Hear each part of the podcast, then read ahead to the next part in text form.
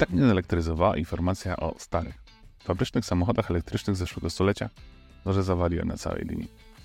Zapomniałem, że w ostatni piątek, 8 grudnia, mieliśmy rocznicę premiery Mercedesa W201, potocznie nazwanego 190.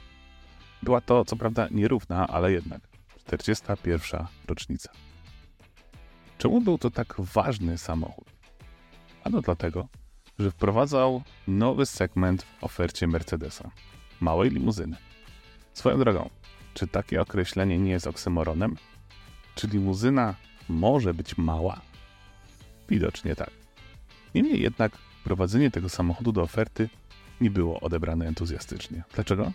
Otóż do tej pory Mercedes uważany był za markę bardzo konserwatywną, przeznaczoną i dedykowaną dla wyższych sfer.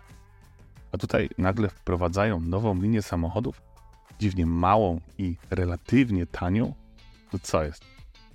Teraz grono posiadaczy Mercedesów znacznie się powiększy. A przecież nie o to chodzi, żeby ekskluzywne grupy zwiększać.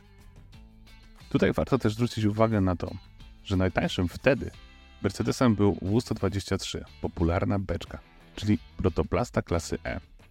To całkiem wysoko zawieszona poprzeczka luksusu. A tutaj nagle taki no, spadek prestiżu. Nie dziwię się arystokratom, że tak protestowali przeciwko nowemu samochodowi. Inna sprawa, że nie wróżyli przyszłości. A co zrobił W201? Wjechał na salony i się przyjął. Do dzisiaj sporo ich jeszcze jeździ. To ciekawe, mam wrażenie, że na północy Polski jakoś więcej. Ważne jest też to, że 190 nie jest C-klasą. Ją otwiera dopiero W202. Notabene, jego rocznicę też przespałem, a tym razem ona była okrągła, po 30. Jeśli chodzi o pierwszą wersję C-klasy, to moim zdaniem jeden z najbardziej niedocenianych samochodów w historii. A wśród Mercedesów na pewno sierota numer jeden. Czemu tak uważam?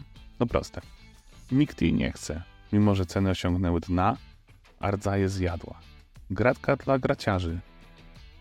Ale i tak nikt nie chce ich ratować. Ja też jakoś za nimi nie przepadam. Pewnie ktoś zaraz powie, że przecież najgorszym Mercedesem to A-klasa pierwszej generacji, czyli W169.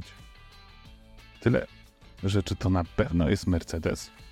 Bo jaki prawdziwy Mercedes ma napęd tylko na przednią oś? No właśnie. Jeszcze trzeba by dodać sławetny test łosia, który przeprowadzili szwedzcy dziennikarze, no i przewrócili samochód.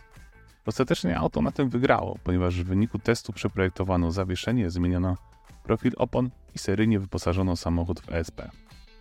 Jeszcze taka ciekawostka. Na Mercedesa 190 zaczęto mówić Baby Benz. Ot, takie maleństwo Mercedesa czy tam Benza. Tak, to też świadczy o tym, że niezbyt poważnie traktowano ten samochód. A, no i czym jeszcze odróżniał się od innych samochodów ze Stuttgartu? Hamulcem postojowym, znanym bardziej jako ręczny.